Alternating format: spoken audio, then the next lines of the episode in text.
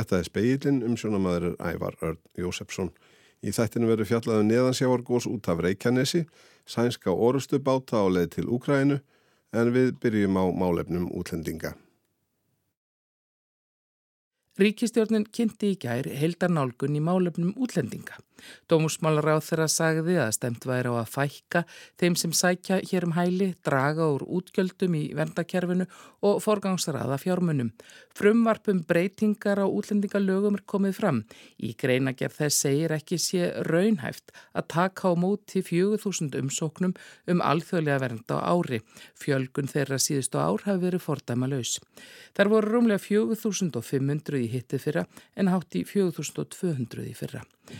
Margreti Steinarstóttur, framkvæmdastjóra mannréttindaskrifstof Íslands, lísta mörguleiti vel á margt af því sem kynnt var í gær og er ætlað að tryggja jöfn tækifæri, ebla fræðslu og tungumálakennslu og draga úr kostnaði þeirra sem hana sækja sem og að tengja atunleifi við einstaklingan ekki starf, svo nokkuð sér nefnt. Fjölmarta því sem kynnt var séu mál sem lengi hafi verið barist fyrir. Í frumvarpinu sem komið fram hefur nokkuð tillit verið tekið til aðtöðasemta sem marrentendaskrifstofan og aðrir gerðu.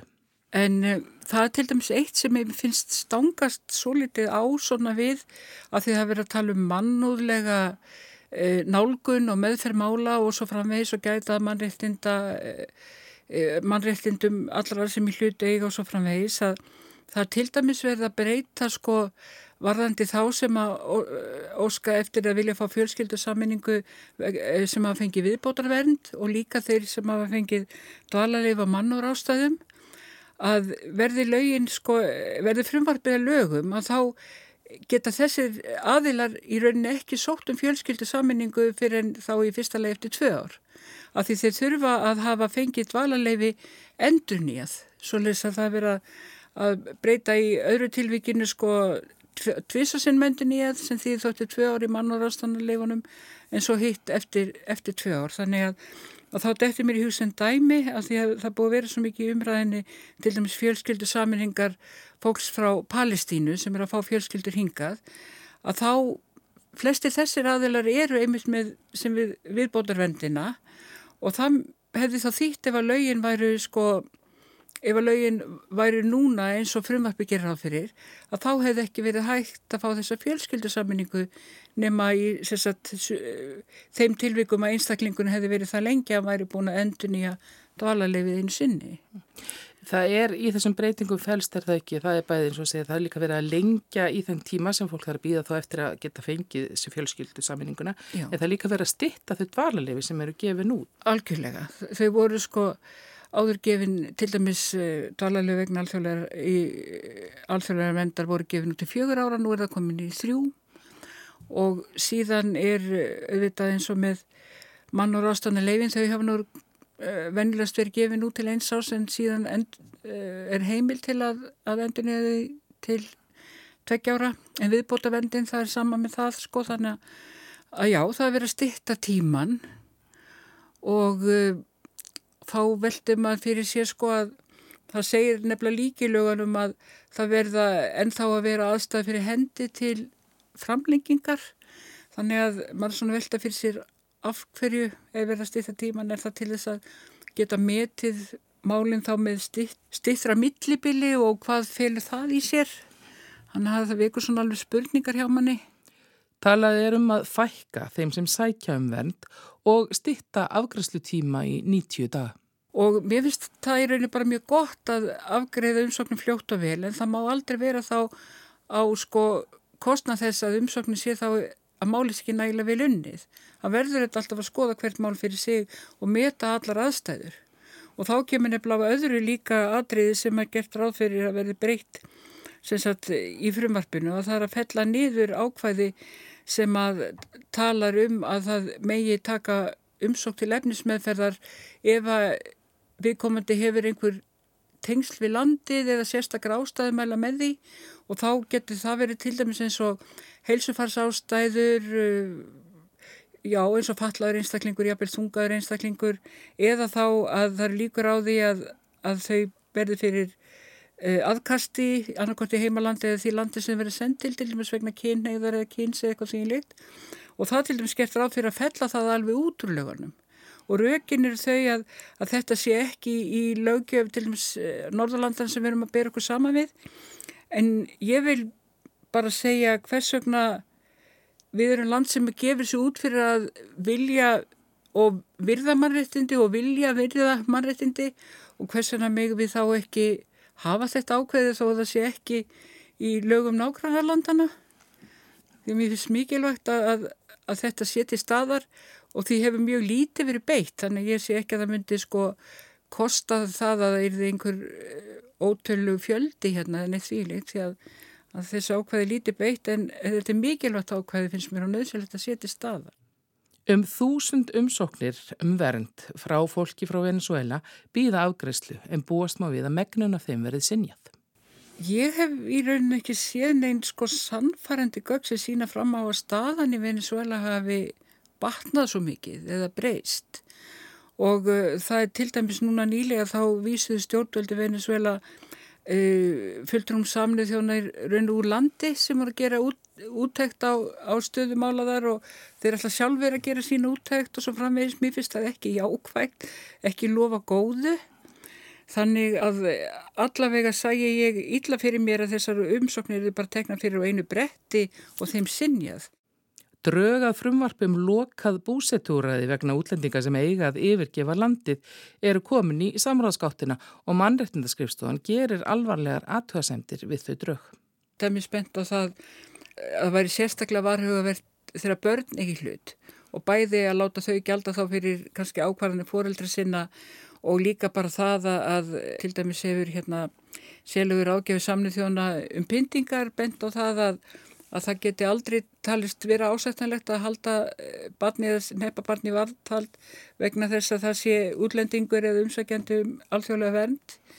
Og líka hitt sko að það sem að var svona sérstaklega alvarlegt fannst mér varandi það frumvarp að það var bara hversu óljóst það var orðað og svona matskent í raunni og mér fannst ekki bera með sér heldur sko eina af rauðu þráðareglunum í gegnum bara til dæmis alla stjórnsýslu lögjöf að, að það er sko meðalhófið og það þarf alltaf að geta meðalhófs. Og hérna er ekki verið að tala um að taka fólk sem hefur brotið af sér en eitt fílikt þannig að það þarf að vera miklu strángari skiliði, fólk þarf að hafa einhvers konar úrræði til þess að láta á það reyna hvort þetta hefur verið rétt með ákverðin og svo framvegis. Og síðan þarf bara að hafa það algjörlega skýrt að fyrst skuli gripi til vægar úrræða og síðan er þetta þá algjört lok á neyðarúrræði sagði Margret Steinarstóttir Frankondastöru mannrettindaskristofu Íslands. Anna Kristín Jónsdóttir talaði við hana.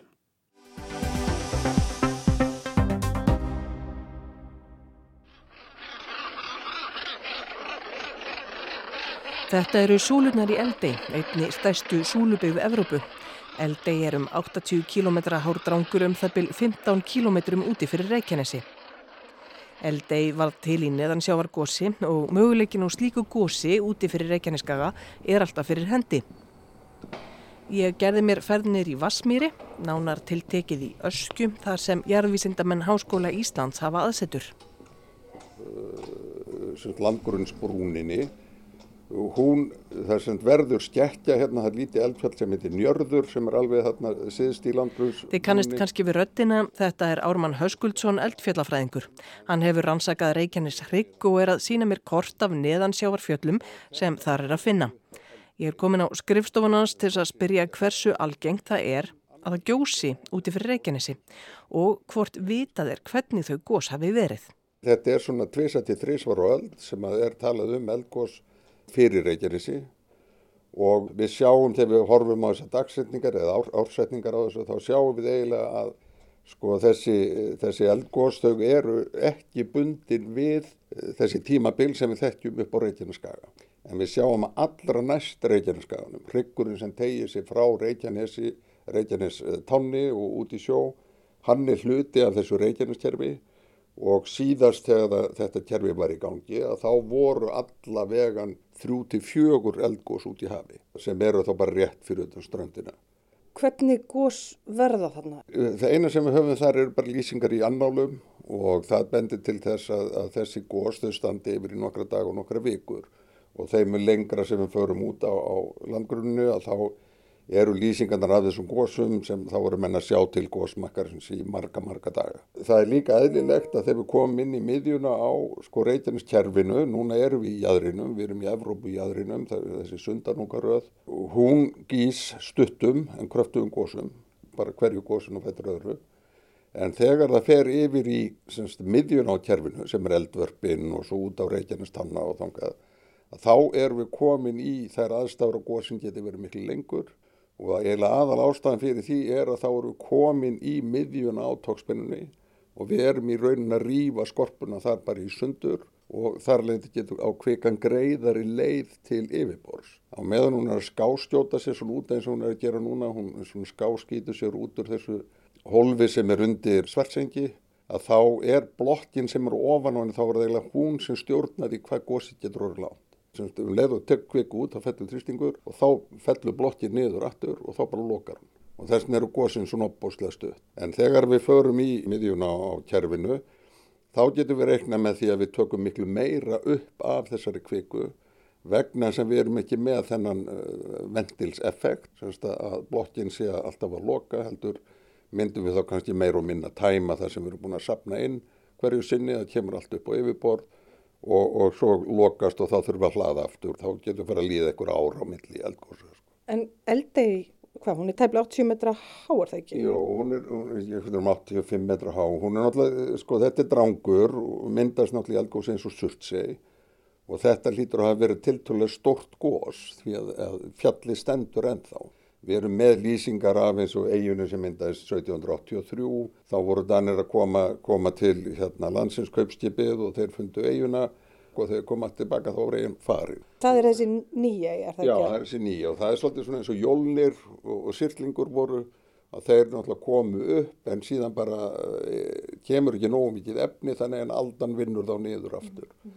Þannig lang flestar þessar eigjar sem hafa vorið til þarna út á landgrunni þær hafa bara verið þurkar út af, af völdunni nema eldei og ef eitthvað er að marka þess afnála þá er sagt að þar stendur nú eldei þar sem eldei hinn forna var held ég að verið orðað eitthvað eins og leiðis. Þannig að þar verðist hafa verið eiga sem að kvarf í hafið og svo kom þetta eldegargós og, og það hlýtur hafa verið ansi stórt úr því eigin er þarna ennþá því að hún á að hafa myndast þarna í þessari síðustu sirpu sem var þarna í kringu landnám. Þannig að það, þá er hún búin að standa af sér ölduna ansi lengi. Sko. Gós á þessum stað, uh, neðan sjávar gós, maður hugsaður um alþjóðafljóðalinn sem er þarna, finnst manni stutt frá og maður hugsaður um gósið í eigafilla aukli 2000 tíu. Já, náttúrulega leðu gósi kemst upp úr sjónum þá fer þetta verða svona kannski svipað, jú það er náttúrulega svipað og í Eyjafjallajökli því að Eyjafjallajökuls gósið í sjálfum sér var ekkit kröftugt. Þetta var mjög mátlus gós og það var í svona sirpum sem að það ældi úr sér miklu ösku og svo datta niður á milli. Öll þessi miklu viðbröð sem voru við Eyjafjallagósinu Þau áttu kannski ekki alveg rétt á sér að því að menn voru í keira þá í fyrsta skipti svona hermilíkon með ösku í andrúslofti og í rauninni voru hermilíkonin keirð með of miklu öskumagni sem þýtti að það var orðin aska út um allt sem að var ekki alveg, alveg rétt sko. Og ef það fyrir að gjósa núna út í sjó og, og það kemur upp fyrir sjáabál þá fáum við örgla gósmökk og sá gósmökkun myndi við bestu aðstæður og góðsum sæmilega kröftugt þá gæta náð svona 8 til 10 km hæð og eftir hann komin í andrúslufti þá er það bara vindarnir sem stjórnaði hvert askan fer. En þetta er þungaska þannig hún fer ekki, sko vissulega getur hún farið eitthvað 10 km reyburtu frá eldstöðinni en, en hún fellur náttúrulega til túrlega fljótt til jarðar að því hún er í, í veður uh, aðstæðun og það er rigning og fleira sem að þingir hann og tekur hann niður. Þú hefur sérstaklega ekkit óskaplegar áhugjur af áhrifum á alþjóðafljóðallin hanna? Nei, í raunin ekki sko, þetta getur það orðið til þess að flugvöldunni þarf að loka eh, einhverja eitt, tvo daga eða eitthvað slíkt. En það verður aldrei þannig að sko, flugvöldunni sé lokaður í margar, margar vikur. Við getum, við getum alveg hagað bara seglum eftir vindi, ef maður myndi segja svo, að ef askan er náttúrulega að koma yfir flugvöldunum alltaf, þá náttúrulega lendum við ekki þar eða tökum, tökum eh, á loft þar og þá myndum við nýta okkur einhver aðra flugvelli á, á Íslandi á meðan en svo en leið og vindurinn er farin þaðan í burtu þá er ekkit annað að gera heldur en að sópa flugvillin og svo geta menn bara að byrja að fljúa aftur. Það er ekkit vandamál. Sæði Ármann Höskuldsson að Ragnhildur Tólasíus ræti við hann.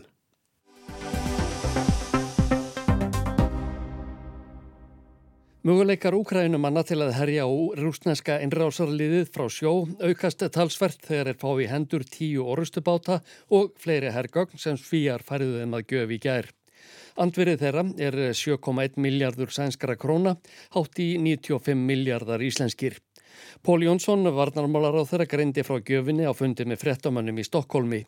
Hann sagði að sænski herrin hefði séð um að velja hergögnin sem sendirðu til Úkrænu. Försvarsmakten gör bedömningen att det här är försvarsmateriel som Sverige kan avvara under en begränsad tid under förutsättning att Försvarsmakten då får ekonomi för att köpa ny försvarsmateriel och det får man ju också genom det här paketet.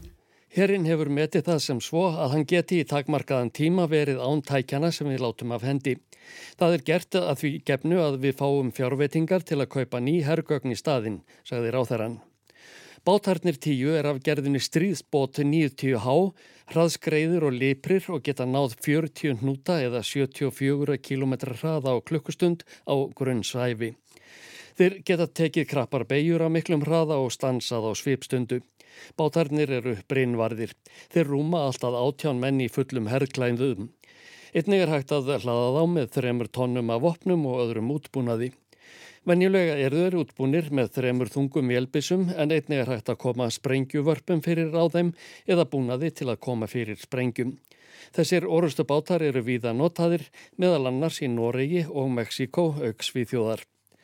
Þessu til viðbótar gefa svíjar úkrænumönnum með 20 minni báta sem þykja henduir til landgöngu og annara hernaðar aðgerða.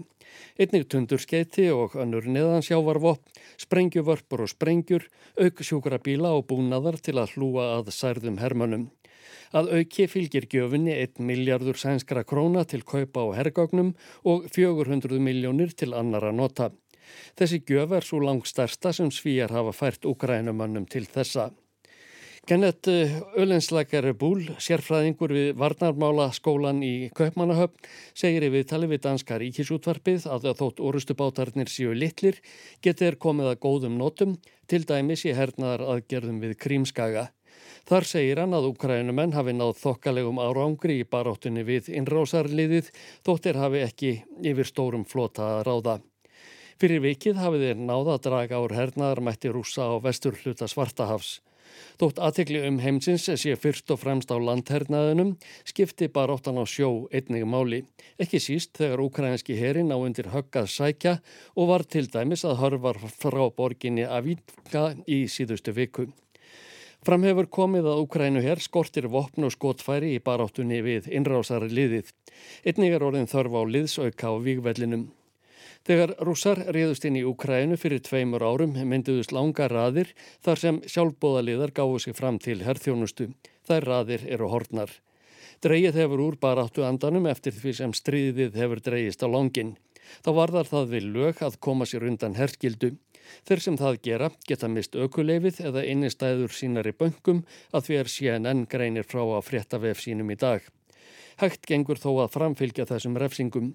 Af 2600 málum sem hafa komið upp frá því að innrásin hófst hefur einungis verið dæmt í 550. En stiður mikil meiri hluti íbúa í ríkjum Evrópusambandsins Úkrænumenn í baráttunni við innrásarliðið. Samkvæmt konun sem utanríkismálar áð ESB let nýlega gera í 12 löndum telja þó innan við 10% aðspurðura að þeim eigi eftir að takast að hrekja rúsa ára landi. Mestur er stöðningurinn í Pólandi, Svíþjóð og Portugal, minnstur í Ungverðarlandi og Greiklandi. Flestir, eða um 37% eru þeirra skoðunar að stríðinu ljúki með einhvers konar málamiðlun. Áskei Tómasson tók saman. Fleira er ekki í speklinum, tæknum að það var Mark Eldred, hlustam á þáttinn í spilaranum á rú.is og helstu hlaðvarsfreitum. Verðið sæl.